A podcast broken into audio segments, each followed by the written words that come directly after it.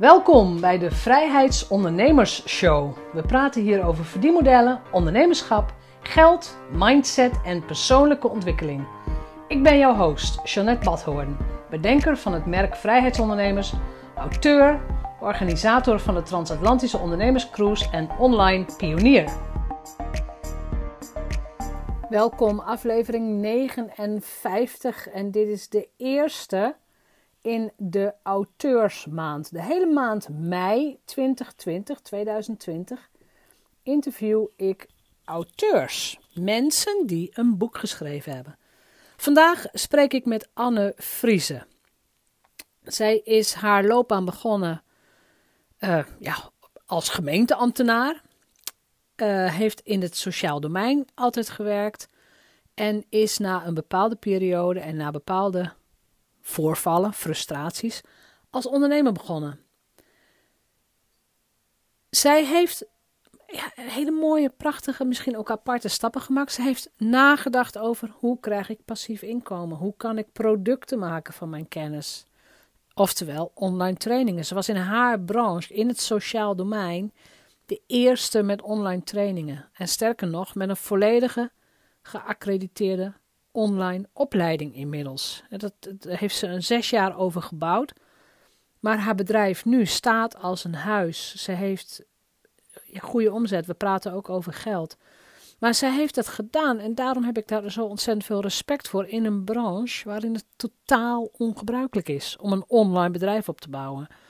Natuurlijk met de nodige tegenwerking, met de nodige, uh, misschien met het nodige wantrouwen. Ja, allemaal. En het gaat haar nu heel erg goed. Dus ik wens je heel veel plezier. Het is een lang interview. We spreken ook over eigenschappen van succesvolle ondernemers. We spreken ook over wat gebeurt er als je echt ineens heel hard groeit met je bedrijf. Um, ik vond het zelf een heel interessant onderwerp om ja, interview, gesprek, uh, omdat ook het onderwerp voor mij nieuw was. Ik bedoel, ik heb niet in die markt gewerkt. Ik ken, ik ken die niche niet. Ik ken uh, ik, ik, werken bij een gemeente niet. Dus het is ontzettend interessant ook om met een ondernemer te spreken die uit een totaal andere, ja, die een totaal andere achtergrond heeft en daar heel duidelijk een visie op heeft. Um, inzichten, inspiratie en ook misschien voor mensen die nu in een branche zitten waar online ondernemerschap niet normaal is. Ik ben er ook van overtuigd dat Anne Friese voor jou een inspiratiebron kan zijn. Dus veel plezier bij het luisteren naar het gesprek met Anne Friese. Vandaag bij mij Anne Friese. En Anne is in 2017 Zaanse Zakenvrouw van het jaar geweest. Daar heb ik ook hele mooie filmpjes over gevonden en artikelen. Uh, maar we nemen dit op in 2020. Inmiddels heb jij de afgelopen jaren een ontzettend solide bedrijf opgebouwd. En ik heb natuurlijk mhm. ook graag dat je uitlegt wat voor soort bedrijf dat is. En een van de redenen dat wij nu opnemen is dat jij heel kort geleden je eerste boek hebt gelanceerd. Ja, klopt inderdaad. Ja, het boek uh, heet Gezond Verstand in het Sociale Domein. Ja. En dat, uh, dat gaat over de historie van het sociale domein. En dan daar aangekoppeld van wat waren toen ook mijn eigen ervaringen in die, in die jaren. Dus in die jaren van de historie. Dus ja, want hoe lang loop je al mee ongeveer? Hè? Want, uh... um, ik, ik loop al meer dan 25 jaar mee in het sociale domein. Dus al, al vanaf 1993. Ja. ja, dan heb je echt gewoon al die, die ervaringsjaren in één boek nou ja, dat wat er dan in paste, maar in één boek kunnen stoppen. Ja, klopt inderdaad. Ja. En waarom moest dat boek er nu uit? En waarom moest het boek er nu uit? Omdat ik zag dat uh, nou, bij allerlei overheden en ministeries um, zag ik dat er ja, eigenlijk van alles misging. Er waren voortdurend herhaling van zetten. Uh, bijvoorbeeld discussies over uh, eigen bijdrage en dat soort dingen. En ik denk van ja, maar um, die discussie die hebben we al gevoerd. Of dat steeds het wil opnieuw werd uitgevonden. Ja. En ik denk, nou, het is eigenlijk belangrijk dat mensen nu echt kennis gaan maken met de historie van, van het sociale domein. In mijn geval, omdat ik dat gewoon weet vanaf 1994. Ja. En ik heb dan ook nog bij de voorbereiding ben ik toen betrokken geweest van de wetvoorzieningen gehandicapten in 1994. Ja. Um, nou, we hadden de eerste wetvoorzieningen gehandicapten. Nou, het gebeurde van alles tussendoor, de regionale indicatieorganen. Toen kregen we de WMO 2007 en toen al in 2010 eigenlijk kreeg die WMO totaal geen tijd om te rijpen. Dus in 2010 bedacht de overheid al dat er weer een nieuwe WMO moest komen. Oh ja, en toen moest ook nog maar even de jeugdzorg op de schop. En uh, oh ja, toen moest de bijstand ook nog maar even op de schop. Dus ik denk van ja, het is goed als ook overheden en ook andere mensen weten van ja, hoe, hoe zat het nou eigenlijk historisch in elkaar? En hoe zijn die voorzieningen nu allemaal bij elkaar opgebouwd? En, eh, want ik ga ervan uit dat er zijn ambtenaren die dit soort dingen moeten regelen. Zitten die mhm. ambtenaren niet lang genoeg op een ministerie om dit soort dingen nog te weten? Nou ja, je ziet heel erg veel uh, traineeships met name in, bij allerlei okay. overheden. Er komen er weer nieuwe jonge ambtenaren. En op zich is dat heel goed. Ik, ja. ik juich het toe als mensen met een frisse blik daar komen. Ja. Maar je, je merkt ook dat ze gewoon heel erg veel, heel veel niet weten van de, van de historie en hoe het allemaal zo gekomen is. Dus jij vindt dat als uh, ook, ook zo'n trainee met dit boek in de hand, met jouw boek in de hand, zouden ze eerst mhm. even een nederig lesje in de geschiedenis moeten krijgen. Ja, precies. Ze zouden gewoon eerst moeten kijken van, van waarom, hoe, hoe, hoe is dat nu allemaal zo gekomen zoals, zoals het gekomen is. Ja. En, hoe, en, hoe, en met name ook van hoe komt het nu dat cliënten zich nog steeds niet geholpen voelen. Ja. ja. Want dat ziet iedereen wel. En is dat iets waar je boos om wordt? Dat is echt iets waar ik, waar ik inderdaad heel erg boos om word. Ik denk van, we hebben allerlei, we hebben van alles veranderd. We hebben voortdurend van alles in het stelsel veranderd. En Hugo de Jonge wil nu dus ook opnieuw weer van alles gaan veranderen. Ja. In het stelsel van de jeugdzorg. En ik stel steeds de vraag van, ja maar, die wetten zijn gemaakt om mensen te helpen. En worden die mensen er nu mee geholpen? En ik concludeer iedere keer nee.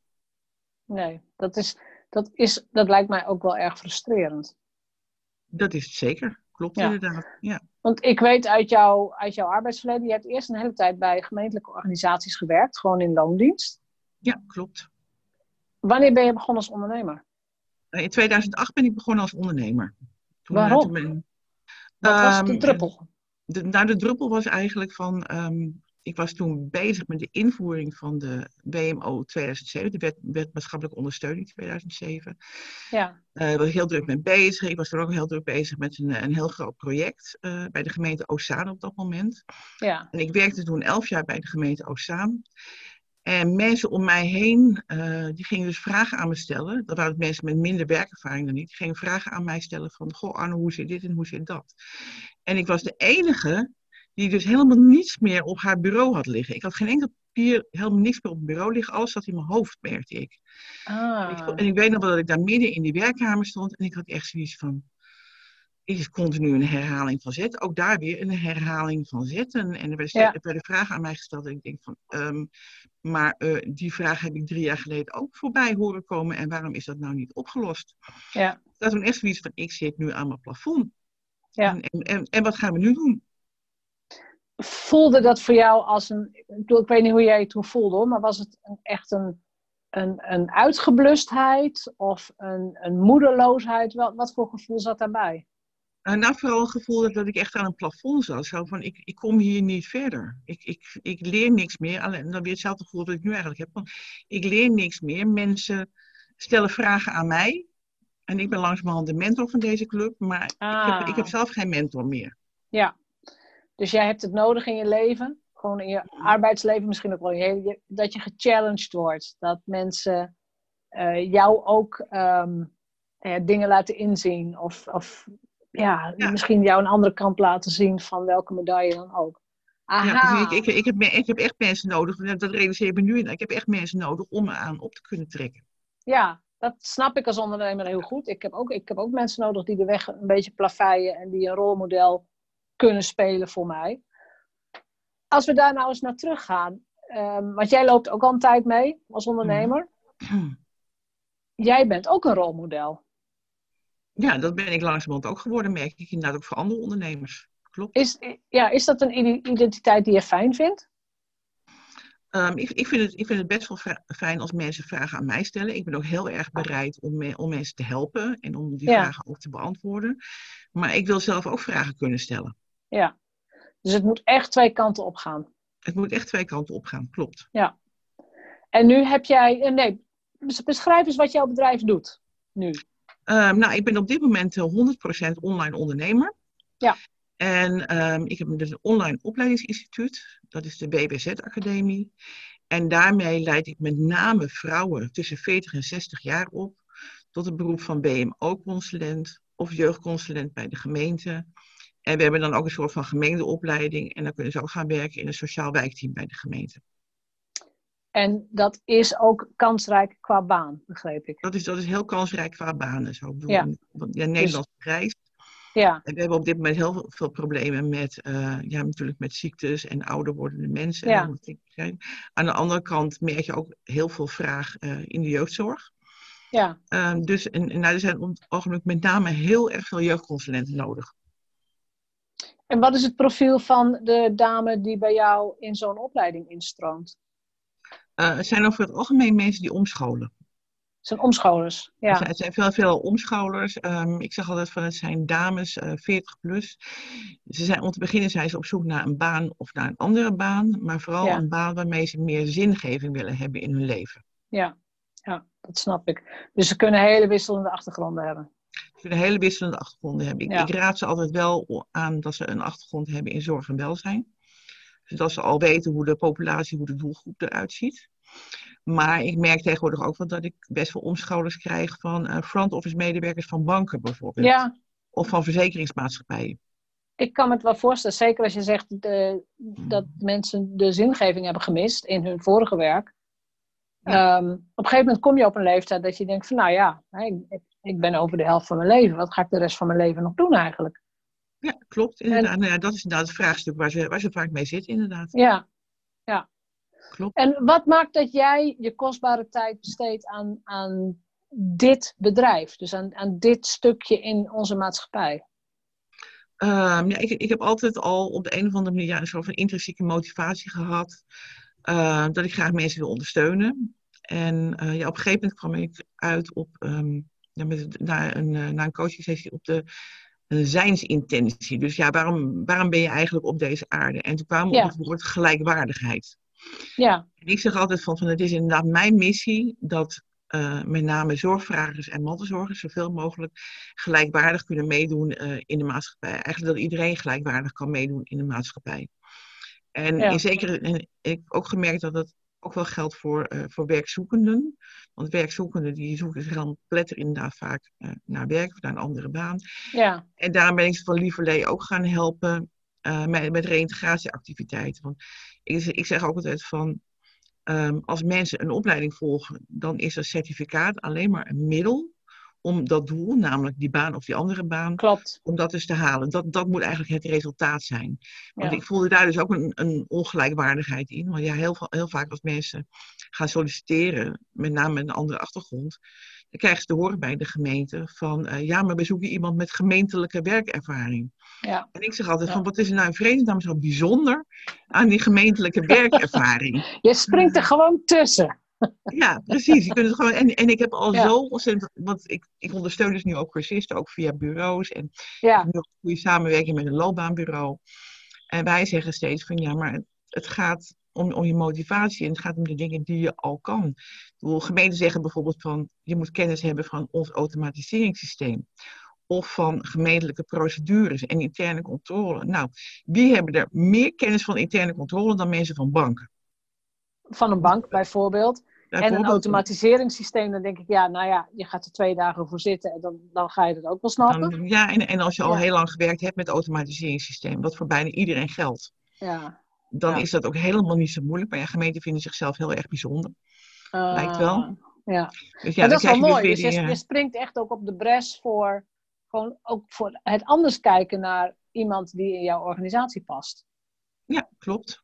Ja. Ik, ik, ik, kijk, ik zeg altijd van, uh, je moet anders denken, anders doen in het sociale domein. En ik zeg ook, als je ook kijkt naar de geest van de wetgeving in het sociale domein, dan hebben we nu juist mensen nodig zonder gemeentelijke werkervaring. Dus mensen die in staat zijn om met een frisse blik van buiten naar binnen te kijken in de organisatie. Ja. Dat is wat er op dit moment keihard nodig is. En is dat om, ja, wordt dat geroepen ook door andere mensen of ben je nog een beetje een roepende in de woestijn daar? Nou, langzaam maar zeker begint het wel op gang te komen.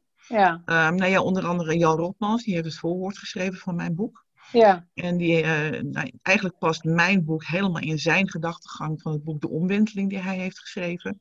Oké, ja. Dat, dat we nu echt bezig zijn, en, dat trouwens deze, deze chaos situatie van corona, dat grijpt hij nu ook weer aan om te laten zien van ja, maar het klopt dus wat ik geschreven heb. Ja. We hebben chaos nodig om te komen tot een echte verandering. Dat- Wat is nou echt belangrijk? Dat hoor ik ook overal om heen. Hè? Ja, We hebben die protocollen allemaal niet nodig. We hebben allemaal die protocollen. Natuurlijk moet er wel iets op papier en moet wel een beetje, je moet wel een Ja. beetje weten wat je doet. Maar uiteindelijk ben je er voor, voor een patiënt of een cliënt of wat dan ook. Ja, want, ergens is het ook heel raar. Ik ga er ook nog een blog over schrijven. Van, we zijn dus nu in staat tot een enorme daadkracht. Nou, Binnen, binnen, binnen een maand zijn we in staat geweest om Nederland helemaal op zijn kop te zetten. En om gewoon echt Helemaal. reuzen. En dat doen we. En ik heb ook, ook eens berekend van hoeveel patiënten hebben we nou eigenlijk in Nederland aan corona. Dat is 0,05% van de bevolking. Terwijl het aantal ouderen en gehandicapten wat wij in Nederland hebben, die dus echt behoefte aan ondersteuning, dat is 15%. Ja. Ik denk van waarom doen we dat nou niet voor die 15% en wel voor die 0,05%?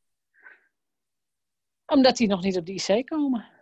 Dat Omdat, die nog niet, omdat daar nog geen ethische eh, vraagstukken over gesteld hoeven te worden. Ja, dat, dat, zo, heb ik het, Oh. zo heb ik het nu begrepen. Van, eh, als de IC vol is en er komt weer een nieuwe batch met patiënten aan. Je kunt van een arts niet verwachten dat hij zegt van nou jij mag wel en jij mag niet. Dat Nee. proberen ze te voorkomen. En, eh, en dat snap ik ook. Maar de groep die jij noemt, dus de ouderen en de gehandicapten, ja, dat is dat- dat- dat- misschien een beetje metaforisch, een rare metafoor. Daar vloeit geen bloed uit. Die, nou ja, soms wel hè. Want, want er, soms, soms als bepaalde voorzieningen niet worden verstrekt, dan vallen er dus wel doden. ja, Alleen dat wordt niet zo gezien. Nee, maar dat is wel heel belangrijk dat daar nou ja, klokkenluiderachtige activiteiten over komen. Dus ik snap ook heel goed dat jij zegt, ja, ik ben er soms zo gefrustreerd en zo boos over. Ik wil me hier gewoon hard voor maken. Ja, Want ze klopt. kunnen het niet voor zichzelf. Dat, dat is natuurlijk de, nou ja, de, Ja, nou ja, nou ja, ervan. Ge- Gelukkig zijn er mensen in belangenorganisaties die wel heel goed voor zichzelf opkomen. Ik bedoel, ik zie dat bijvoorbeeld bij, eh bij Persaldo. Persaldo, eh, het bestuur van Persaldo bestaat uit mensen met beperkingen. En Mhm. die komen wel heel erg goed voor zichzelf op. En ja, we hebben tegenwoordig ook een minister van gehandicaptenzaken, ook een meneer in een rolstoel. Die is super actief, die man. Nou ja, dat is, dan, dat is dan wel een voordeel inderdaad. Gast, kun je eens teruggaan naar 2008? Je bent ondernemer geworden vanuit een ik zit aan mijn plafond. Mhm. Dan zit je ineens thuis. Misschien, had jij toen al het idee dat jouw bedrijf er zo uit zou gaan zien? Had je Nee. al een plan? Niet, niet zoals het er nu uitziet. Op dat moment was eigenlijk alleen maar mijn idee van, ik ga interimmen. Ja, ik ga Dat- interimmen. Dus ik, ik ga in meer keukens kijken. Ik ga in meer keukens kijken en het was ook omdat ik eh, bezig wilde zijn met de inhoud. Want in, in elf jaar gemeente Ozaan had ik dus drie reorganisaties meegemaakt. Ja. Waarvan, waarvan twee van dezelfde gemeentesecretaris. Dus bij reorganisatie nummer drie ben ik ook naar hem toe gegaan. Dat was ook een van de druppels. Toen zei ik tegen hem, ik, zeg, ik doe niet meer mee. Nee. Ik zeg, ik ben nu heel erg druk bezig om die WMO op een goede manier in te voeren voor de inwoners van de gemeente Ozaan. Ik zeg, en jij vraagt van mij of ik in allerlei eh plenaire sessies ga zitten. En ik zeg, ik gewoon opnieuw dezelfde termen voorbij komen van elkaar aanspreken, platte organisatie, afspraak is afspraak. Ik zeg, wat je wil is een cultuurverandering. Ik zeg, wat je doet is eh, schuiven met poppetjes. Dus daar Ja. wilde ik van af. Ik wilde alleen maar, want ik, want ik vond die inwoners het belangrijkste. Ik wilde alleen nog maar bezig zijn met de inhoud. Nou, en ik zag dus in het interim zag ik een mogelijkheid om dus alleen nog bezig te zijn met die inhoud. En was dat ook zo? En dat was ook zo. Nou, ik, Dat was ook ik, was zo, zo, ja. ik, ik was zo blij. Ik zat bijvoorbeeld bij de gemeente Enkhuizen. Heb ik ook Ja. voor het eerst van mijn leven cultuur gedaan. En ik zat bij de gemeente Enkhuizen. En ook daar waren we zijn reorganisatie aan de gang, de zoveelste.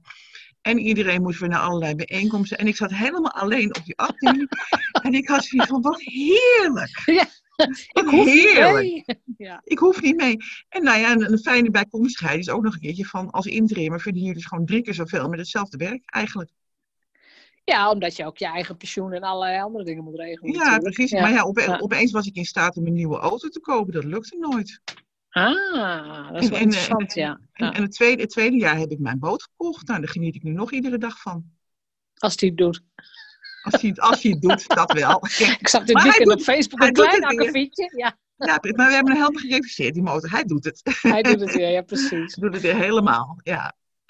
Dat interimmen en, en die hogere prijs, dat is wel interessant wat jij zegt. Had jij toen ook het gevoel hoe waardevol jij toen was voor die organisatie? Uh, ja, het gevoel had ik wel. Alleen was er altijd wel een gedoe om, uh, om tarieven. Want, uh, want nou ja, toen 2008 begon er natuurlijk ook weer een nieuwe crisis. Ja, in eerste ja. instantie toen verdiende ik nog iets van 85 euro per uur. En twee jaar daarna zat ik opeens weer op 65, omdat ik gewoon simpelweg niet meer wilde betalen.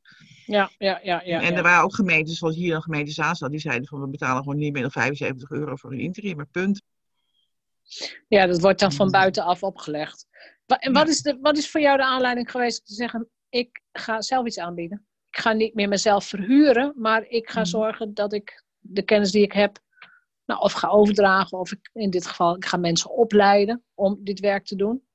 Um, nou, dat kwam in 2000, nou, te begin in 2010 heb ik toen meegedaan met Open Circles Academy voor het eerst. Dat was een van de eerste business bootcamps van die Sander ja. Meta. Ja. En toen maakte ik kennis met het begrip passief inkomen. En toen, ik had zoiets van, ja, dat klinkt heel interessant, maar ik wilde wel iets mee, maar wat dan? Ja. Maar goed, het, het blijft dan wel rondzingen in je hoofd, hè? Ja, ja, ja. ja, ja, het, het is mogelijk. Het is mogelijk. Hoe dan? Het, ja. het, het, het, is mogelijk en het is inderdaad mogelijk om meer te, meer te gaan verdienen. En, en toen zei hij ook van uh, ZZP is een tijdelijke staat. Nou, daar begreep ik toen helemaal niets van. Ja. Maar ik, dat nam ik zo aan. Ik van, nou ja, oké. Okay. En uh, toen in 2012, toen kreeg ik voor de tweede keer kreeg ik een hernia. Mm. Ja. Nou ja, dan kom je dus als, uh, ik had altijd werk gehad. Ja, en dan kom je dus al opeens als interim ZZP'er, kom je opeens op bed te liggen. Met nul inkomen. Nou, het was nog niet eens nul, want het, de, de toenmalige gemeente waar ik toen werkte, die was ook blij met ieder uurtje wat ik nog wel kon werken voor ze. Okay, dus dat kwam ja. zo'n zo beetje neer op zo'n twee uur per dag. Maar ja, dat schiet Ja. niet echt op. Nee. Maar toen kwam wel steeds meer het besef van, wat ik al een beetje zoiets had van, ik moet daar iets mee. Van, het is wel een beetje het besef van, ehm, het wordt nu toch tijd dat ik eens een keertje wat, wat ga nadenken over producten. En producten inderdaad die ik kan aanbieden, zodat, zodat ik minder afhankelijk ga worden van dat uurtje factuurtje. Precies, ja. Ja, dus daar begon ik inderdaad wel over na te denken, begon te borrelen. Nou, toen in 2014, dat weet je, toen kwam opeens Simone Levy met uh, Ja. prachtige online programma's. Ja. Nou, meteen, ik, wel, ik zat gelijk in Empel op één. Ik denk van, daar moet ik iets mee. Ja, precies. De- Ja. Je zat er gewoon echt op te wachten. Ik zat er echt Dus, op te wachten, inderdaad. Al die jaren daarvoor waren er allemaal prikkels al gegeven. Er waren al Ja. ideeën. Je was al aan het, aan het broeden. Ja, En, en dat gebeurt heel vaak. Het is toevallig eh, ook een- in een andere podcast dat iemand zegt van ja, er komen steeds bussen voorbij. Hè, elke Ja. bus is een kans. Maar het is aan jou of jij op die bus springt. En, en dan ook nog op Ja. welke bus je springt. Want jij zegt, ik zat in MPOP 1. Ik heb meteen meegedaan, dus ik heb meteen geïnvesteerd. Ik heb dat gewoon gedaan. Ja. En, precies. en ik, ik weet dat heel veel mensen dan ook die bus wel zien rijden. En wel denken, ik zou in willen stappen. Maar dan blijven ze toch afhankelijk van, nou ja, van de, weggever, de gratis weggevertjes. Of ze luisteren nog eens naar een webinar en ze blijven twijfelen. Nou, voor je het Ja. weet ben je weer een jaar verder. Ja, exact. En, en Ja. Simone weet, weet je niet, dus het is natuurlijk alleen maar duurder. Ja, dat, dat, weet ik, dat weet ik al niet eens. Maar Ja, dat, dus dat dat- zal ongetwijfeld zo geweest zijn. Ja, bedoel, de, Ja. eerste, de, eerste, de eerste keer was gewoon echt, tenminste voor, voor, andere mensen niet, maar voor mij was dat een no-brainer. Dat was 997 euro. Oh ja. Ik denk van, uh, van hop, ik stap in. Ja, ik ga gewoon meedoen. Ja, Ik ga, ik ga Ja. gewoon mee. Ja, ja, dat is natuurlijk ook het voordeel dat ik al gewend was om, om goed te verdienen als interimmer. Ik had het geld gewoon. Ik, ik heb, ik heb Ja. nooit geld hoeven lenen. Ik, ik heb alles Nee. altijd met eigen geld gedaan. precies. Investeerders heb ik nooit gezocht. Nee, dat is een hele belangrijke inderdaad. En trouwens, dat is wel iets wat, wat vrouwelijke ondernemers, vind ik, gemeenschappelijk hebben. Ehm, die geven pas geld uit als ze het hebben. Er zijn heel weinig die geld gaan lenen, zeker voor een opleiding niet. Mhm. En al helemaal niet voor een pand of een auto of een... Nee, dat, Nee. Dat, dat, daar zijn wij te voorzichtig voor op een bepaalde manier. Ja, en ik denk ook dat vrouwen verzamelaars zijn. Hè? Gemiddeld genomen ja. Ja. Gem- Gemiddeld genomen wel. Dus eh, op je geld zitten en je weet maar nooit wat er in de toekomst gaat gebeuren. Ja. Hoe, hoe is jouw leven veranderd na die eerste kennismaking met eh, het maken van een online programma? Want de bedoeling was Ja. van jou, ik maak een product wat verkocht kan worden. Ja, klopt inderdaad. Dus nou, ik, ben, ik ben inderdaad mee gestart. Nou, tegelijkertijd in 2014 gaf ik ook les voor eh, verschillende opleidingsinstituten eh, voor de overheid. Toen gaf ik dus ook les aan live aan groepen WMO-consulenten. Ja, En ehm, nou, ik was eigenlijk helemaal niet blij met de stof die daar gegeven werd. Het was 2014 en in 2015 zou het nieuwe sociale domein in werking gaan. En ja, ik moest ook de stof aanbieden van het betreffende opleidingsinstituut. En ik had echt gezegd, wat zijn jullie hier in godsnaam aan het doen? Ik bedoel, zelf, hmm. bij een opleidingsinstituut had ik zelfs het gevoel van, ik ben hier nog gewoon BVG 1994 aan het geven. Dit slaat nergens op jullie. Mm. Heb ik ook tegen ze gezegd, van uh, ik, ik ben hier dus helemaal niet blij mee. Nou, voor de in-company trainingen mocht ik het dan wel nog een beetje aanpassen, gelukkig. Maar moest dan ook weer in je eigen tijd, weet je, weet je niet, niet, uh, niet voor Ja, precies, ja. Nou, heel fijn. Maar goed, dan kon ik tenminste iets geven waar ik dan wel achter stond. Ja. Ja, en toen had ik dat zo twee, een paar keer meegemaakt. En een aantal groepen meegemaakt. En dan ook, heb, heb, je ook te maken met groepen ambtenaren. Met ook allemaal verschillende niveaus. Waarvan de een al twintig jaar meedraait en de andere nog maar net begint. En er wordt allemaal bij elkaar in de groep uh, gestopt. Mensen zitten dus zich te vervelen en met telefoontjes te spelen en zo. Daar ben ik helemaal niet blij van. Nee. En het had met al met al had ik echt zoiets van, ik ga dit anders doen. Ik denk, ik ga het anders doen. En ik ga het online doen. En ik stop er bovendien ook nog een module creatief denken in. Want ik vond creatief denken dus heel erg belangrijk in dit, in het nieuwe sociale domein. Ja, dus eigenlijk gewoon frustratie op frustratie. Ja, precies. Ja, dat is fantastisch. ja. ja. Nee, dat is, dat, volgens mij is dat ook zoals de meeste ondernemers dat beginnen. Van, er zit iets waar je het niet mee eens bent en je wilt het dus anders doen. Ja, dus je hebt besloten, A, ik ga het zelf doen. B, ik ga het anders doen. Ik ga het online doen. Niet meer in zo'n stoffig zaaltje met, met niveauverschillen. Ja, uh, en ik ga het breder trekken. Dus creatief denken, ja.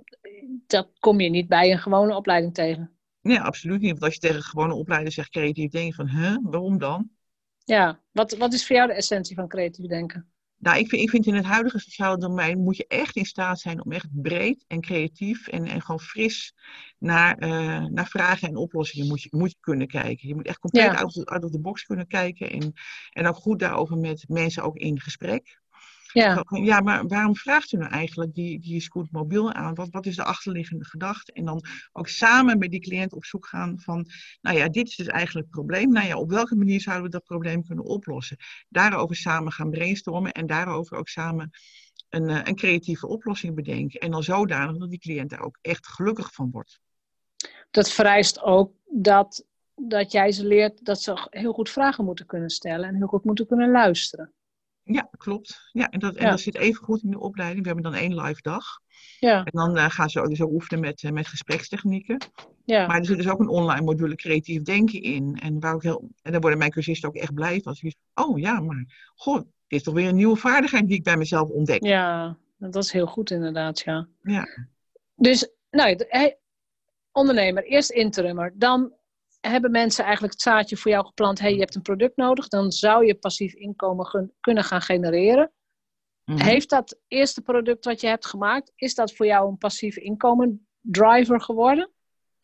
Um, ik zeg niet zozeer dat het echt een helemaal passief is. Ik zeg altijd van, wat zou ik noemen, het is residual income. Ja, je maakt het één keer en dan kun je het vaak verkopen. En, en je kunt het wel vaak verkopen, maar residual income, passief is gewoon van, je ziet alleen maar de factuur voorbij komen. Ja. Die producten heb ik ook, want dan de producten uh, regelgeving WMO onder andere. En nou, nu is er ook weer iemand bezig met herziening van participatiewet. Nou ja, dat zijn um, vier lessen met een zelftest. En daar, daar komt geen examen of wat dan ook aan te pas. Dat komt gewoon voorbij. En zie ik alleen maar de, de factuur voorbij komen. En is dat iets wat jij hebt gemaakt of huur, huur je daar ook mensen voor in? Um, ik heb het in eerste instantie zelf gemaakt. In eerste instantie heb ik alle lessen zelf gemaakt. Ja. Maar tegenwoordig heb ik een, heb ik een heel team om me heen die, uh, die nu ook actualiseert. Ik bedoel, zoals nu ja, bijvoorbeeld op dit moment, uh, een van mijn docenten is nu bezig met het uh, actualiseren van de module regelgeving WMO. Want ja, regelgeving moet je toch eens een half jaar naar kijken of het allemaal nog actueel is. Ja. En ik heb iemand gevonden die heeft nu de kortcursus regelgeving participatiewet is voor mij aan het actualiseren. Precies. Dus ik, in eerste instantie ik het allemaal nog zelf. Ik, in het begin begonnen we ook met een team van drie. Ja. En ik heb nu ondertussen al een, te een team van tien man om me heen lopen. Ja, nee, maar dat snap ik. Want het is, als je een bedrijf opbouwt, in het begin ben je ook overal nog zelf verantwoordelijk voor. En denk je van, hoe wil ik het hebben? Hoe ga ik het doen? Wat ga ik uitbesteden? Ja, en nu zit jij in de positie dat je zegt van, hé, hey, die module moet, uit, hè, die moet weer opnieuw uitgelegd. Of die moet opnieuw op worden genomen. Ja. Ga jij dat maar doen. En, ja, precies. Ja. En, en, ook en, en, ook docenten die ook zelf dingen tegenkomen hoor. Want ik heb dan bijvoorbeeld iemand die alle lessen nakijkt. Ja. En die komt af en toe zelf denken, ja, nou ja, eigenlijk zou er nog even iets aan toegevoegd moeten worden aan die les. Of die les moet wat veranderd. Of eigenlijk vind ik dat die twee lessen moeten worden omgedraaid. Nou, ik heb zoiets van, uh, ga lekker je gang en uh, doe maar. Ik vind, ja, precies, ik vind het prima. Ja. Als het voor de klant maar beter of duidelijker of wat dan ook is. Ja, exact. Of, dat, ja. of zij ziet bijvoorbeeld ook dat dingen niet actueel meer zijn. Want tegenwoordig sta ik natuurlijk veel verder van de praktijk. Ja. Zij zit nog midden in de praktijk. Dus zij ziet ook van, hé, hey, maar dit klopt niet meer. Dat moet even worden veranderd, weet je wel. Dus ik laat het nu ook helemaal aan haar over. Ja, een soort opleidingscoördinator. Of, nou ja, hoe je het ook wilt noemen. Ja, precies, inderdaad. En ze, weten nu ook, ze weten nu ook hoe ze de lessen moeten inspreken.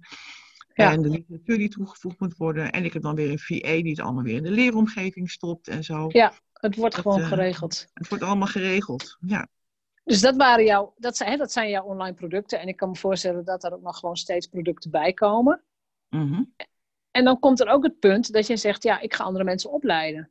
En, is, en ook met echt met een certificaat, of hoe moet ik dat zien? Hoe, hoe worden uh, ja, ze... Mensen krijgen bij mij nou een geaccrediteerd certificaat. Ze zijn bij verschillende instituten geaccrediteerd. Dat bedoel ik, ja. Dus het is echt, echt iets, nou ja, serieus, om het zo te zeggen. Het is, het is echt serieus, inderdaad. Ja. In, het begin, in het begin start je gewoon. Ik ben dan begonnen met die WMO-opleiding. Ja. En in eerste instantie heb ik altijd gezegd, ik, ik interimde toen nog volop. Ja. En toen zei ik in eerste instantie van... Um, Nee, ik probeer het gewoon, want ik was met Simone bezig. Zo. Ik denk, ik probeer gewoon die BMO-opleiding. En ik had Francis dan natuurlijk al ingehuurd als VA op dat moment. Ja. En ik denk van, het gewoon proberen, de BMO-opleiding. Ja, en toen uh, lanceerde ik dus met Sinterklaas 2014. En precies ja. die dag had ik ook meteen mijn eerste betalende klant. En is van, oh shit, ik moet nu echt aan de gang. ja, ja.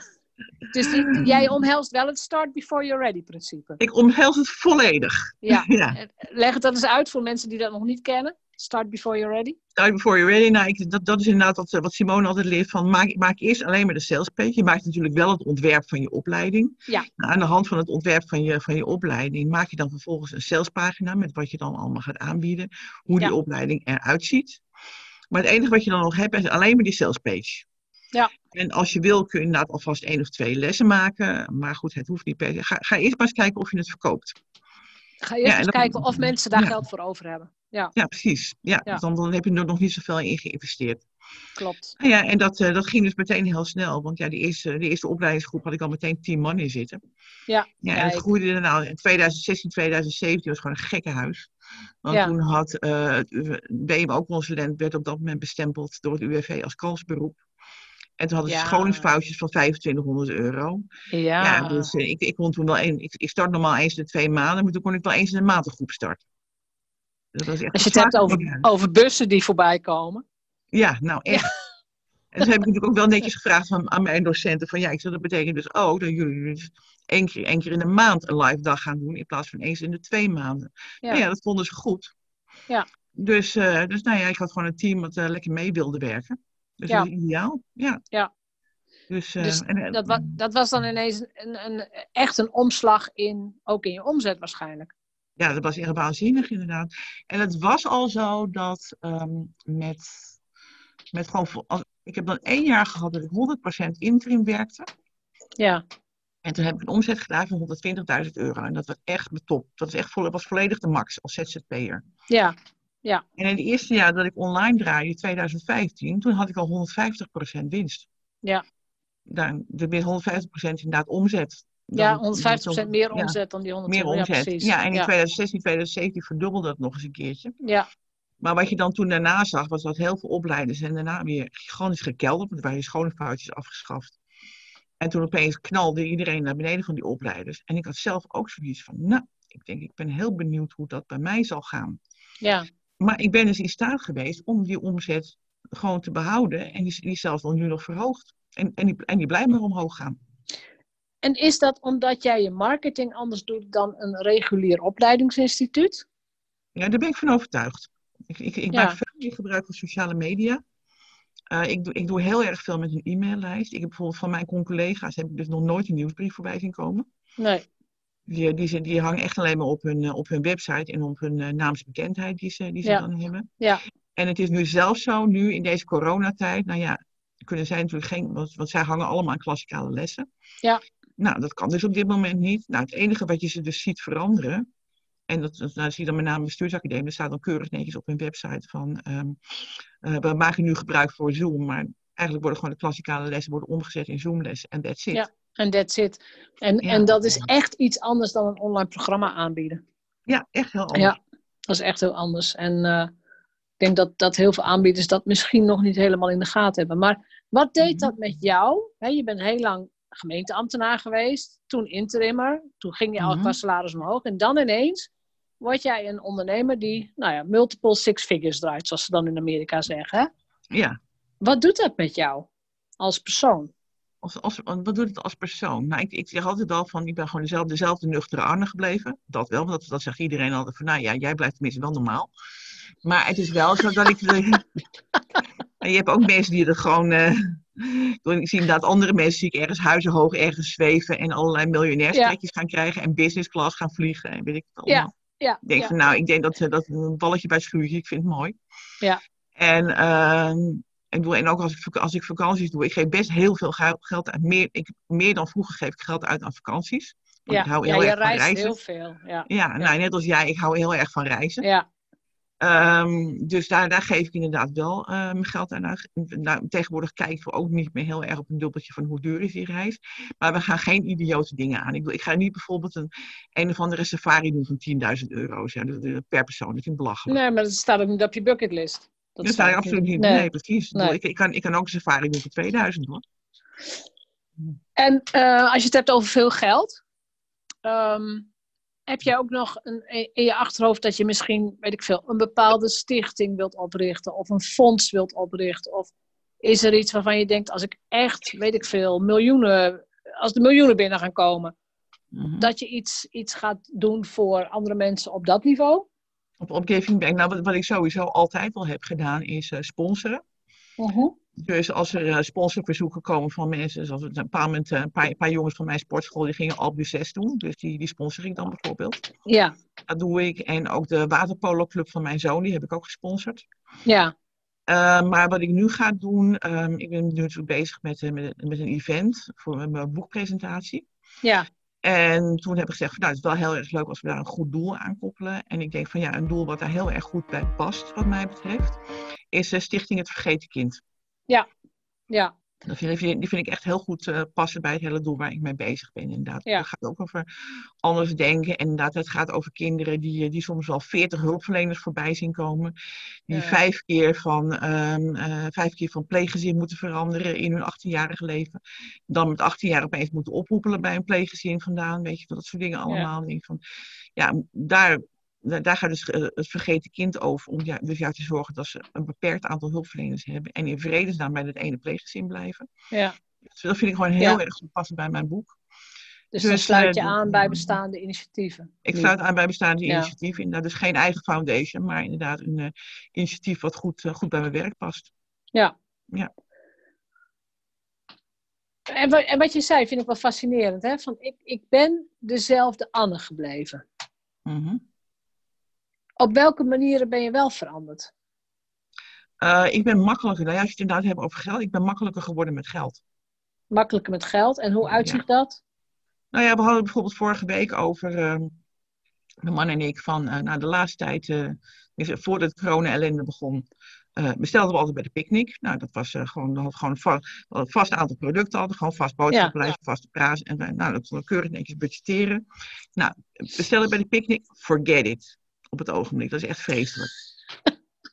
Dus, eh, en we zijn best wel een beetje boos op ze geworden van hallo, wij waren een vaste klant, maar daar trekken ze Ja. zich niks van aan. Nou ja, bij ons komen ze niet eens. Dus eh, Precies. Nou ja, en dan kunnen we natuurlijk ook naar albert.nl, maar goed, dat is ook hopeloos op het ogenblik. Dus nou, wij hebben dan Albert Heijn om de hoek. ja, Ja, nu komt het er eigenlijk op neer dat we eens in een paar dagen dan maar boodschappen doen bij Albert Heijn. Wat eigenlijk eh, twee tot drie keer zo duur is als wat we gewend waren. ja, En eh, ja, dan eh, aan het eind van de maand komen we dan wat geld tekort. Maar ja, daar maken we ons gewoon totaal niet druk over. Nou ja, goed, Nee. we hebben toch geld genoeg. Nou ja, dan, eh, dan vullen we wel aan, weet je wel. ja. Dan Ja. we maken ons niet meer zo druk over ons huishoudbudget en dat soort dingen. Nee. Want ik, ik weet dat van mensen, als ik over geld, geld geeft een bepaalde rust en, en vrijheid in je handelen en in je denken. Klopt. Als je inderdaad nu heel krap zou zitten en je zou van de Aldi naar de Lidl en naar de weet ik veel moeten fietsen om de laatste koopjes te halen. Ja. ja dan, dan ben je weer heel veel rust en tijd kwijt. Ja, En al- als nu, jij- nu gaat het Albert. Ja. Ja, als jij. ehm, want jij zei ook in het begin, hè, van ik heb ook rolmodellen nodig om mij aan op te trekken. Op een gegeven moment kom je natuurlijk op een niveau, en dat heb jij ook ervaren volgens mij. Je komt Mhm. op een niveau dat je denkt, bij wie moet ik nu aankloppen? Waar moet ik nu naartoe om mijn inspiratie te halen? Ehm, zeker als je op een gegeven moment iets bereikt hebt waarvan andere mensen denken, oh dat zou ik ook wel willen, maar dat is dan nog, nog helemaal niet voor ze weggelegd. Maar wat doe jij om gechallenged te blijven, om geprikkeld te blijven, om uitgedaagd te worden, om te groeien? Ja, ik, ik ga nog steeds op zoek naar, eh, dat is eigenlijk voortdurende zoektocht op het ogenblik, inderdaad, naar men- mentoren die gewoon eh, eh, net, even, net even een trapje hoger zitten dan ik, qua, Ja. eh, qua business, qua omzet, maar ook qua ehm, mindset, qua gedachtegang. Want, want wat ik ook heb ontdekt in die zoektocht is dat omzet zegt nog niet zoveel.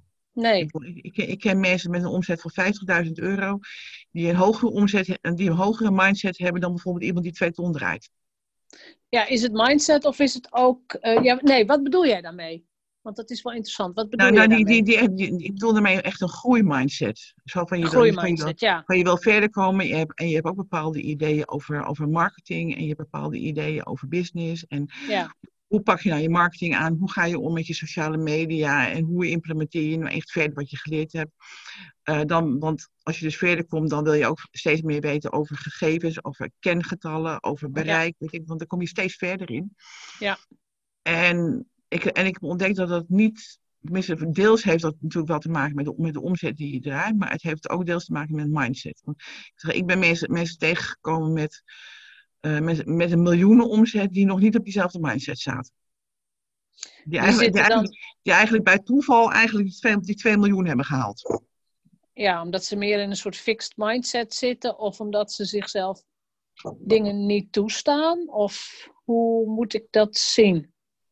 Ehm, ja, mensen die bijvoorbeeld, en ik, ik ken, dan toevallig twee, twee directeuren van zorgorganisaties, Ja, die, eh, die, die, die heel erg snel gegroeid zijn met, eh, met personeel in de zorg.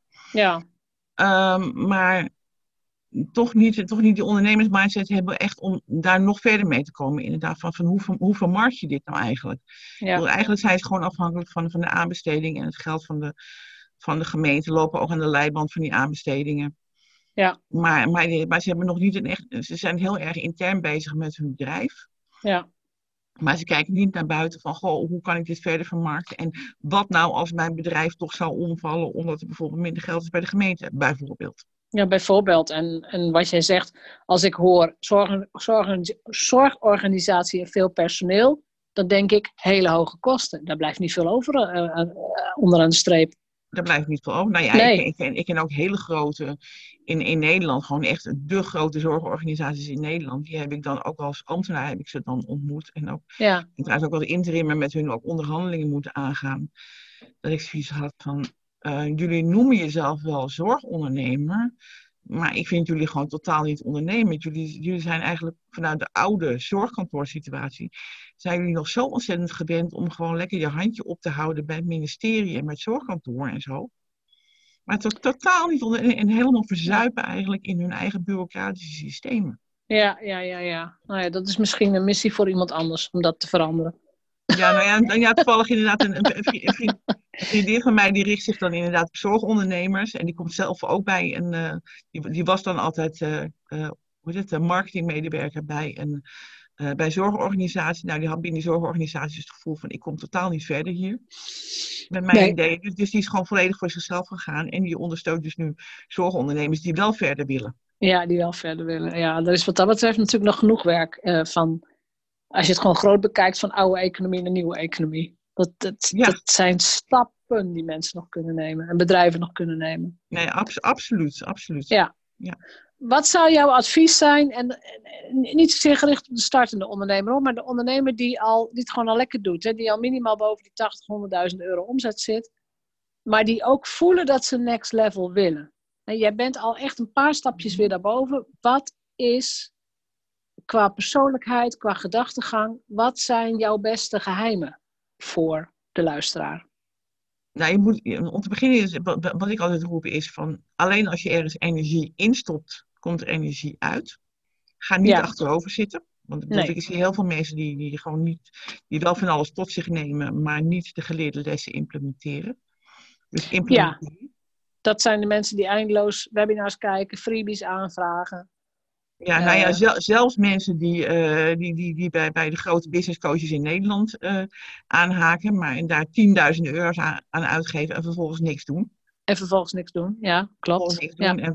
En, en die, die business coaches die beloven natuurlijk, dat zijn dan de high-end business coaches, die beloven je, ik weet niet hoeveel geld, als je maar precies de stappen doet die zij doen. Maar ja, die stappen doen ze dan niet. Dus ze worden er alleen maar arm van. Ze raken in de schulden. Dus dat is niet handig. Je moet wel implementeren. Ja, je moet actie ondernemen. Je, je, moet, je moet sowieso altijd, en, en wat ik ook altijd zeg is, ja, à la Tony Robbins, massive action. Richt je op dat ene doel. Ga niet allerlei, allerlei verschillende producten doen. Richt je focus op dus. Enorme focus. Ja. Focus één, op één product en daar compleet een massive action op. En daar compleet in, ja. En doe, en doe, Alles, wat, doe alles wat nodig is. Geef daar eens een voorbeeld van. Van dingen dat je denkt van, hmm, dat had ik van tevoren niet bedacht, maar ik moest het toch doen. Nou ja, in, in het begin inderdaad ben ik echt volkomen argeloos. Uh, gewoon, wat u net al zei, van als probeersel ben ik die BMO-opleiding gaan aanbieden. Ja. ja. En vervolgens kom je er dan achter van, ja, maar oké, dan heb ik dus klanten en die betalen. Maar die klanten die hebben uh, bijvoorbeeld technische problemen. Want uh, dan zijn ze hun inlog weer eens een keertje kwijt, of ze kunnen bepaalde documenten niet openen. Ja. Uh, blijken dan verouderde browsers te hebben of verouderde ja. computers. nou, dus dan, loop je allemaal. Dus, wat, wat, wat ik nu, nu dus ook zie. Ik heb nu zo'n beetje 200 cursisten per jaar. Ja. En wat ik nu, waar ik nu super blij mee ben, is ook met mijn VA. Maar die heeft gewoon een hele intensieve klantenservice nu. Ja. Nou, in het begin had ik dat echt niet kunnen bedenken hoor. En ik, ik zie dus nu opeens heel veel uh, opleiders uit de, uit de grond ploppen in deze tijd. Die allemaal eventjes aan coaches en trainers gaan leren hoe ze dus online programma's moeten maken. Ja, ja klopt. Dat, dat lukt dus even niet. En, en wat ik ook steeds zeg, van ja, maar ik zeg, hou er alsjeblieft rekening mee van, je kunt het programma wel maken, maar je moet het ook nog een keertje vermarkten. En als je het dan hebt, dan, dan hebt vermarkt en verkocht, dan moet je dus weten hoe je de technische problemen kan oplossen. En als je dat ja. niet zelf kan, dan zul je dus een team moeten gaan inrichten. Nou, dan heb je ja ik zeg altijd, een VA is gewoon absoluut onmisbaar als je een, als je een goed online programma wil neerzetten. Ja. Dat technisch loopt. En vervolgens loop je dus inderdaad tegenaan van, oh ja, shit, maar ze hebben ook nog een flinke klantenservice nodig. Nou, ik zie hoe, hoeveel mijn VA nu aan klantenservice kwijt is. Echt heel veel uren hoor. Ja, precies. En die moet jij gewoon betalen van de opbrengst van de opleiding. Die moet ik gewoon betalen, ja. Die moet gewoon betaald worden.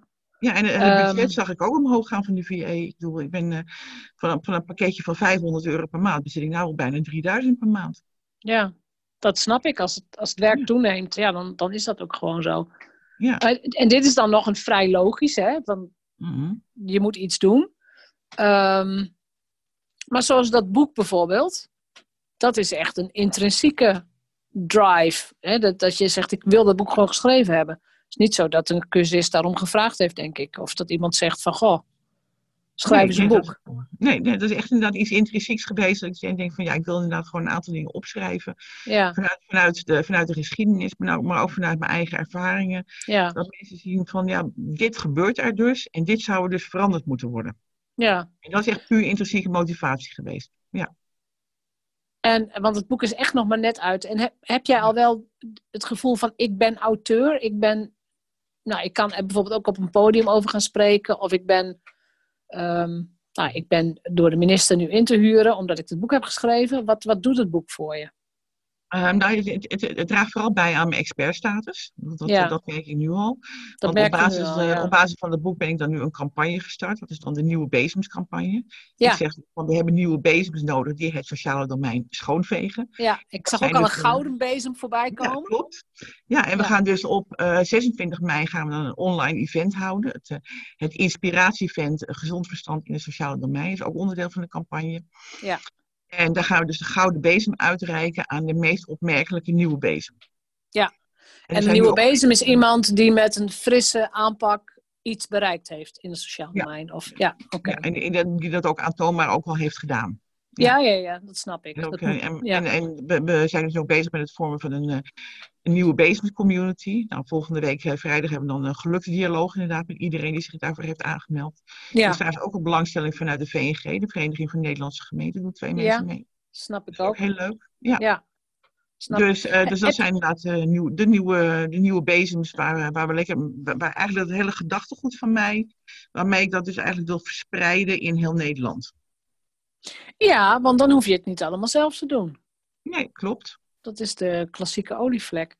Ja. Heb jij, heb jij ook al het gevoel dat jij iemand bent waar mensen nu naar kijken, dat ze jou in de gaten houden? Dat jij niet alleen rolmodel bent, maar ook een leider in de niche, in de branche? Ehm, ja, zeker. Nou ja, sowieso als online opleider al. Dat, dat, Ja. dat was wel zo van de mensen. Nou, ongeveer na drie jaar had ik echt naamsbekendheid inderdaad als online opleider in het Ja. sociale domein.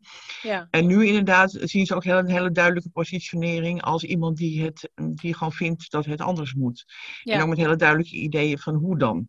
ja. Dus een soort thought leader. Ja, zo'n thought leader inderdaad. Van Ja. ja. van ja, maar doe nou gewoon wat nodig is. Ja. bedoel, ga, nou niet, niet moeilijk zitten doen van dit past wel niet binnen de regels, dit past niet binnen de regels. Nee, doe nou gewoon wat nodig is. Doe nou gewoon wat, wat mensen nodig hebben waar mensen om vragen. Hoeveel lef heb je daarvoor nodig om dit te doen? Om helemaal buiten de, de, de lijntjes te kleuren? Want dat is in Ja, daar, heb, je daar doet. heb je best wel wat lef voor nodig. Want wat ook op het moment dat ik, nou, eigenlijk op het moment dat ik het boek liet lezen aan de proeflezers. Ik, ik had Ja. al wel een, eh, een eh, schrijfcoach en die, die vond het allemaal hartstikke leuk wat ik schreef. Maar ja, dan Ja. ga je dus je boek verspreiden onder een aantal proeflezers. En dan opeens besloeg me echt zoiets dat ik dacht van, "Ah, wat zullen ze ervan vinden? Weet je wel? Ja, ik heb het ja, allemaal opgeschreven. Ja, van, Ja. Het was wel een heel angstig moment hoor. Ja, maar dat herken ik nog heel erg van mijn eerste boek. Als je Ja. eenmaal zes Ja, boeken hebt ja. gepubliceerd, dan gaat het ook weer over. Dan denk je, nou ja, weet je, ze Ja. vinden, me, ze vinden er maar wat van. Ja. Ja, Maar ja, goed, ik, toch. ben, ik, ik ga, ook een he- opeens een heel ander gedachtegoed binnen het sociale domein. Gewoon Ja, dat is het, ja. tegengeluid. Ja, want dat is, toch, nou ja, goed, daar heb je lef voor nodig, maar ook doorzettingsvermogen en ook een eh, gezonde dosis zelfvertrouwen. Van, ik denk Ja. dat ik wel gelijk heb. Toen jij Ja, vroeger ja. een jaar of, nou weet ik veel, 10, 11, 12 was, een jong meisje, Mhm. Had jij toen gedacht dat jij ehm, op deze leeftijd dit zou gaan doen? Of wou je iets heel anders worden vroeger? En vroeger wou ik iets heel anders worden. Ik, vro- vroeger wou ik archeoloog worden. Oh, echt? Ja, echt. Is Dat anders. is echt wel heel wat anders. Ja. Maar Ja. ik heb altijd wel heel erg veel liefde voor geschiedenis gehad. En, en Ja. mijn, mijn boek gaat, is nu wezen ook een historisch perspectief. Ja, Dus ik heb altijd wel, en, en, en ik heb ook wel een aantal blogs geschreven waarbij ik inderdaad ook weer dingen schreef vanuit het perspectief van geschiedenis. Bijvoorbeeld op een gegeven moment, een aantal jaren geleden, eh, zijn er een aantal hele grote thuiszorgorganisaties zijn omgevallen. Klopt. En Ja. iedereen van, van, oh en ah, en hoe kan dat nou in dit en dat? Ja, en vanuit mijn historisch perspectief wist ik inderdaad al hoe dat gekomen was. Daar heb ik een hele grote blog over geschreven, over hoe het komt dat thuiszorginstellingen kunnen omvallen. Want ik zag precies wat er gebeurd was. ja, En dat, dat, dat had ook te maken inderdaad met dat ik het ook voortdurend historisch onderzoek. maar dan, dan, dat vereist ook wel een bepaalde intelligentie. In de zin van, jij moet de, de, de, de, de, hoe zeg je dat nou weer in het Nederlands? Connecting the dots. Je moet de punten met elkaar kunnen verbinden. Ja, klopt. Dat is die hele helikopterview inderdaad. Ja. Die, die je dan Ja. hebt. Ja. En die Dat, heb en dat jij heb ik gewoon. altijd- dat heb ik ook altijd al gehad inderdaad. Precies, want dat zat Ja. er dus vroeger waarschijnlijk ook al wel in. Ja, klopt. Want ik was ook al heel snel, eh, ik heb dan eh, nou, heel lang op bij scouting gezeten. Trouwens nu nog ondertussen al als bestuurslid. Ja, Maar eh, als, als jong meisje zat ik dus bij scouting. En ik vond het toen al heel leuk om dingen te organiseren en te regelen. Nou, toen ik of 15, 16 was, werd ik natuurlijk ook leiding. Ja. En ik, en ik heb ook nog een, een aantal jaren een, een scoutinggroep gehad voor gehandicapte kinderen. ah, zie je. daar- Ja, Daarvanuit ben ik dus orthopedagoog geworden. Ja. En dan ook een specialisatie eh zintuigelijke motorisch gehandicapte kinderen. En kinderen met verstandelijke beperking, dat was dan mijn specialisatie. ja, ja. En van daaruit ben ik natuurlijk ook steeds, eh, steeds verder gegaan. En op die manier heb ik ook steeds bij de gemeente gewerkt. Altijd vanuit eh, het perspectief van, ge- van, van gehandicaptenzorg en zo. En Ja. zorg en welzijn. ja dus is, dat, dat is ook een soort, toch wel een rode draad in jouw leven. Ja, een rode draad is dat zeker inderdaad. Ja. Want ik heb je boek nog niet gelezen, want het is echt, echt nog splik, splinter nieuw. Ja. Jij zegt, dat ik beschrijf het vanuit een geschiedenis, hè, vanuit een historisch perspectief. Zit er ook al wel een, een haakje naar de toekomst in? Ja, er zit ook wel een haakje naar de toekomst in. Dus ik, ik heb een soort, eh, ja, het is ook een scriptie hoor. Het is, het laatste hoofdstuk is echt conclusies en advies. Ja, En inderdaad dan ook een visie naar de toekomst van, van ik vind dat het naar de toekomst zo moet. Ja. Is, is- Van, is het ja, gewoon concrete aanbevelingen? Of, of echt? Ja, er zitten, echt concrete aanbevelingen in Ja. inderdaad van hoe, hoe ik dan vind dat het wel moet. Ja. Ja, dat is, dat is wel interessant, ja. Dat je niet alleen een boek schrijft die- wat heel beschrijvend is, maar ook... eh, Het boek moet in staat zijn om jou naast de minister te krijgen, om zo te zeggen.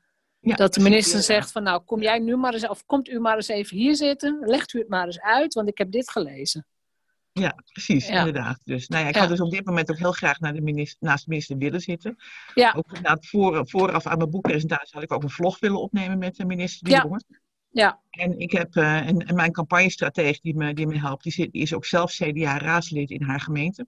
Ja. Dus, dus ja, de contacten met Hugo de Jonge, die lagen er al. ja, ja. ja, eh, en- dat, dat, eh, daar heeft hij nu even te druk voor. Nee, hij heeft dit veel te druk voor. We zien hem bijna elke avond op de televisie nu.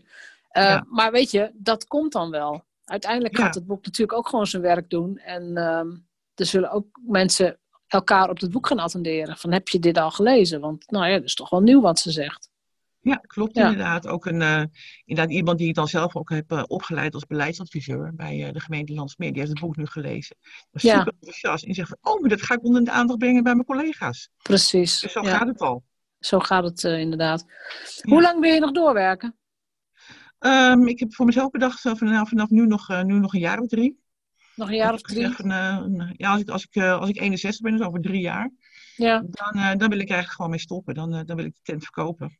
En, kan zeggen, wil je het verkopen of blijft het een cash cow voor je? Dat, nou, het idee is op dit moment inderdaad om, om te verkopen. ja, Dat ik daarna gewoon lekker, lekker kan doen en later waar ik zin in heb. Misschien Ja. nog iets van passief inkopen gaan doen. Ja. Dus ehm inderdaad, de cash cow is ook een optie. Ja, als er een goede bedrijfsleider op zit. Maar goed, dan moet, eh, dan moet het er gewoon allemaal goed geregeld zijn. Dan, eh, Ja, en, en, en ga je dan de wereld rondzeilen of wat, wat ga je dan doen? Nou, de wereld rondzeilen vind, ik, dat vind ik nog een beetje eng op de Noordzee. We zitten op dit moment op het IJsselmeer en dat eh, vinden we wel even goed. Ja. Maar, maar ik ga wel, wel nog, ja, ik, ik reis al heel veel en ik denk dat ik dan alleen maar nog meer ga reizen als het, als het weer kan natuurlijk. Ja, Inderdaad, eh, ja, we, Ame- Amerika vinden wij een heel fijn land om heen te gaan. Maar eh, Ja. Azië is ook leuk en we hebben familie in Zuid-Afrika. En, eh, ja. dus, ja, eh, als we weer mogen reizen, dan is er genoeg te doen natuurlijk. Ja. dan is er eh, genoeg te doen. En inderdaad, wat jij doet, natuurlijk een, een cruise op zijn tijd is ook wel fijn. Een cruise op zijn tijd is heel fijn. Ik wacht ook geduldig tot alles weer veilig en gezond is. Ja, En ja tot die tijd eh, vermaak ik me thuis ook wel hoor. Weet je, als het niet kan, dan kan het niet. Zo simpel is het. Ja, op het dit is ook- is het eh, zo. Nou ja, ik vind het ook wel weer heel, voor mij heel, ehm, het geeft mij ook weer een hele ruime blik. Ik heb mijn hele agenda leeg moeten vegen voor dit jaar. Dus Mhm. alle congressen waar ik naartoe zou gaan, de cruise waar, die ik dit jaar zou doen. Ik heb alles is geannuleerd, afgezegd, weet ik veel. Mhm. En dan ineens zit je met een lege agenda. Dat is ook een luxe gevoel. Ja, Ja, dat is ook jaren geleden. Ik denk van, nou, maar er staat gewoon helemaal niks in. Geen, ik hoef nergens naartoe. Ik, er, is, er is geen event. Ik, ik hoef ook geen live dag te organiseren. Want ja, er mag toch niemand komen. Dus ja. wat dan wel? En Ja. vandaar dat, dat ik dus inderdaad heb gezegd van, nou, ik ga mijn podcastproject nu massaal oppakken. Mhm. Ik vind het een fantastische invulling van, eh, van voor mij in elk geval, van de coronatijd. Ja, ja precies. Ja. Ja. Ja. bij, bij mij loopt het dus nog net zo hard door en zelfs nog veel harder. Want Ja. ja. ja, ik, ik zie nu heel duidelijk de voorsprong ten opzichte van mijn eh, klassikale conculega's. Ja. Ik bedoel, ik zag zelfs bij op één website, ja, natuurlijk ga ik kijken bij mijn conculega's wat die nu doen. Ja, Maar eh, ik heb op een website zelf van één conculega gezien dat ik denk van, hè? Ik denk, er staat bij jou nog steeds dat je in april en mei eh, gegarandeerd gaat starten met klassikale lessen in Deventer en Leiden. echt niet. Ik, ik denk van, hè? Echt Ik niet, denk, dat mag niet. Ik denk van, man, ga nou toch wat doen aan die website. Ja, Ik Ja. denk van, ja, en dat is dan ook niet zo raar. Dat ik dus in, in- ik heb nog nooit zoveel views geha- gehad op mijn website als in maart. Ik had meer dan 31.000 views. Ja.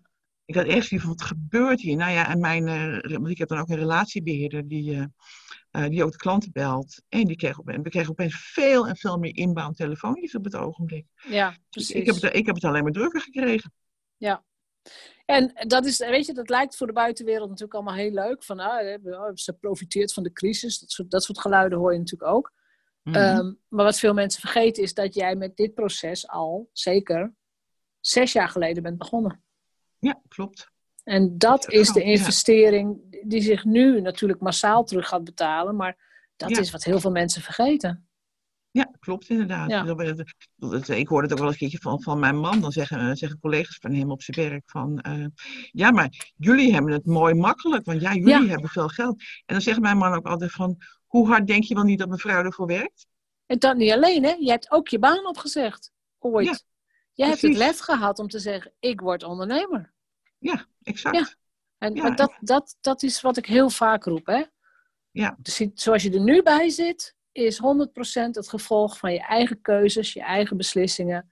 De mensen waar je mee omgaat. Hè? Door wie laat jij je inspireren? Welke diploma's heb je gehaald? De partner die je kiest. Alles, Ja. alles, alles.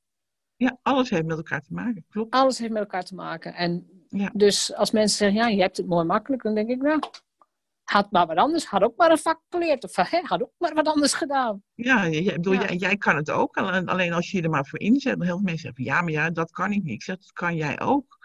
Alleen zal je dan op een andere manier moeten gaan werken. Ja, en dat is wel interessant wat je zegt, van jij kan het ook. Ik, ik weet niet meer of ik het op die manier zo, zo hard zou kunnen zeggen.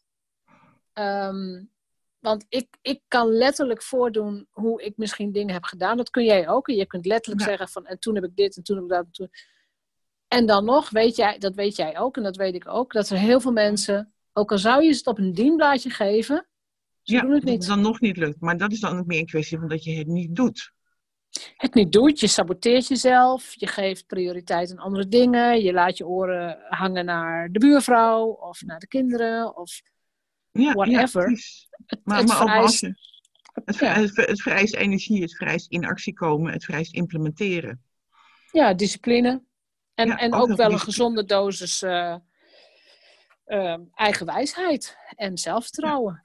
Ja, en, en inderdaad ook, ook durven en het inderdaad niet kunnen, mis- niet meer kunnen schelen eigenlijk wat mensen eh, van je zeggen. Want vroeger vond ik het wel een keertje moeilijk, want dan belde en dan kon er bijvoorbeeld iemand bellen van, eh, met een klacht of ben je het niet mee eens. Of zo vroeger bij de gemeente, dan had je regelmatig boze klanten aan de telefoon die voorzieningen Ja. niet kregen, dit en dat. En ik merk dat ik daar veel minder bang voor ben. Dat, Wat, is, dat ik- wat dat is het verschil tussen toen en nu?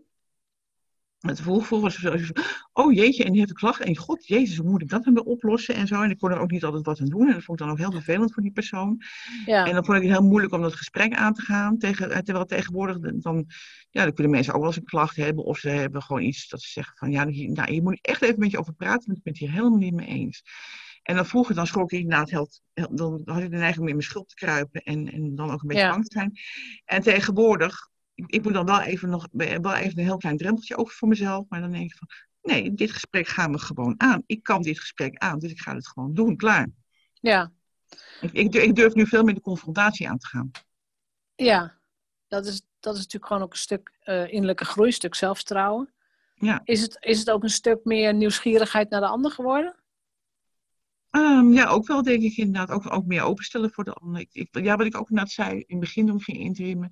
Toen zei ik ook van, ik ben makkelijker geworden. Ik ben makkelijker geworden in de communicatie.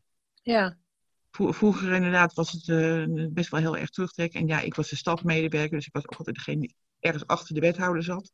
ja, ja. ja, Hooguit ja, een beetje ter assistentie, weet je wel. Ja, Ja, en toen opeens als ondernemer word je inderdaad 100% verantwoordelijk voor wat je doet. alles. Ja, alles inderdaad. En, en, en ook omdat ik te maken had met zo ontzettend veel verschillende gemeenten als interimmer, Ja. merkte ik ook, ik, ging, ik kon mezelf ook makkelijker verkopen. En ik, ik werd veel makkelijker in de communicatie, merkte ik. ja. Dus het heeft jou ook persoonlijk heel veel, ja, heel veel groei gebracht. Ja, Gewoon de absoluut. stap naar ondernemerschap. Ja, Ja, zeker. zeker. Ja. heel, heel veel persoonlijke groei, klopt. ja. Zou je ooit terug kunnen naar een baan in loondienst? Nee, Nee. never. Never. Nou, ik, ik, kan, ik, kan, ik, kan nie- ik kan niemand meer boven me velen. Ik, ik heb nog tot, eh, tot halverwege 2017 heb ik nog interimwerk gedaan. En op het Ja. laatst nog maar, nog maar één dag in de week. En zelfs die ene dag in de week, die zat me nog in de weg. En op een gegeven moment had ik zoiets van, eh, hallo, Ja. ik ben Saanse Zakenvrouw 2017. En jij behandelt mij als een klein meisje. Nou, mooi niet. Ja. Ja, precies. Op een gegeven moment denk je van, eh, je hebt mij nodig en ik niet jou. Ja, En ja, precies. ja, ja. Dus ik denk, dat en, dan, en, dan, en, dan, moet je nog oppassen voor de lange tenen van een wethouder en een afdelingshoofd. Nou, dat denk ik niet. Nee, maar dat is toch heerlijk dat je op een gegeven moment Ja. je, je eigen ondernemerspad hebt gevolgd. En volledig de baas bent over je agenda, over de mensen, over je team. eh, Ja. alles. Klopt. Dus de co- conclusie is, jij bent gewoon wel een echte vrijheidsondernemer. Als ik dit allemaal Ja. zo hoor. Zeker weten. Ja, Ja. absoluut. Ja. Ja, nou, dat, is, dat is heel fijn. Ik hoop echt dat mensen, want jij komt niet uit een branche waar misschien mensen meteen denken aan, hé, hey, daar zit een online ondernemer. Dus ik hoop echt dat Mhm. mensen die hiernaar luisteren en die ook in een branche zitten of denken aan online ondernemerschap in een branche die niet zo gebruikelijk is, dat ze hierdoor geïnspireerd worden. Eh, Mhm. En dat ze ook het lef gaan ontwikkelen om het gewoon te doen. Ja, precies. Ja, dat, Want, dat, want, er, er is heel veel mogelijk. er is heel veel mogelijk. Dat is, ja, ik denk dat dat ook de mooiste afsluiting is. Dank je wel voor dit gesprek en voor al je adviezen en inzichten. Dankjewel. En jij ook bedankt voor de gelegenheid voor deze podcast. Het is helemaal graag gedaan. En ik zet jouw links en de link naar het boek natuurlijk ook in de show notes. Dan kunnen mensen dat ook gaan bestellen en bekijken. Hartstikke fijn. Is Dankjewel. goed. Dank je wel. Oké, joe. Bedankt voor het luisteren naar de Vrijheidsondernemers Show. Geef de show een review op iTunes. Als vrijheidsondernemer werk je waar, wanneer en met wie jij wilt. Dat gun ik jou ook. Ik weet dat het kan. En bij de juiste keuzes is vrijheid ook voor jou mogelijk. Op jouw vrijheid!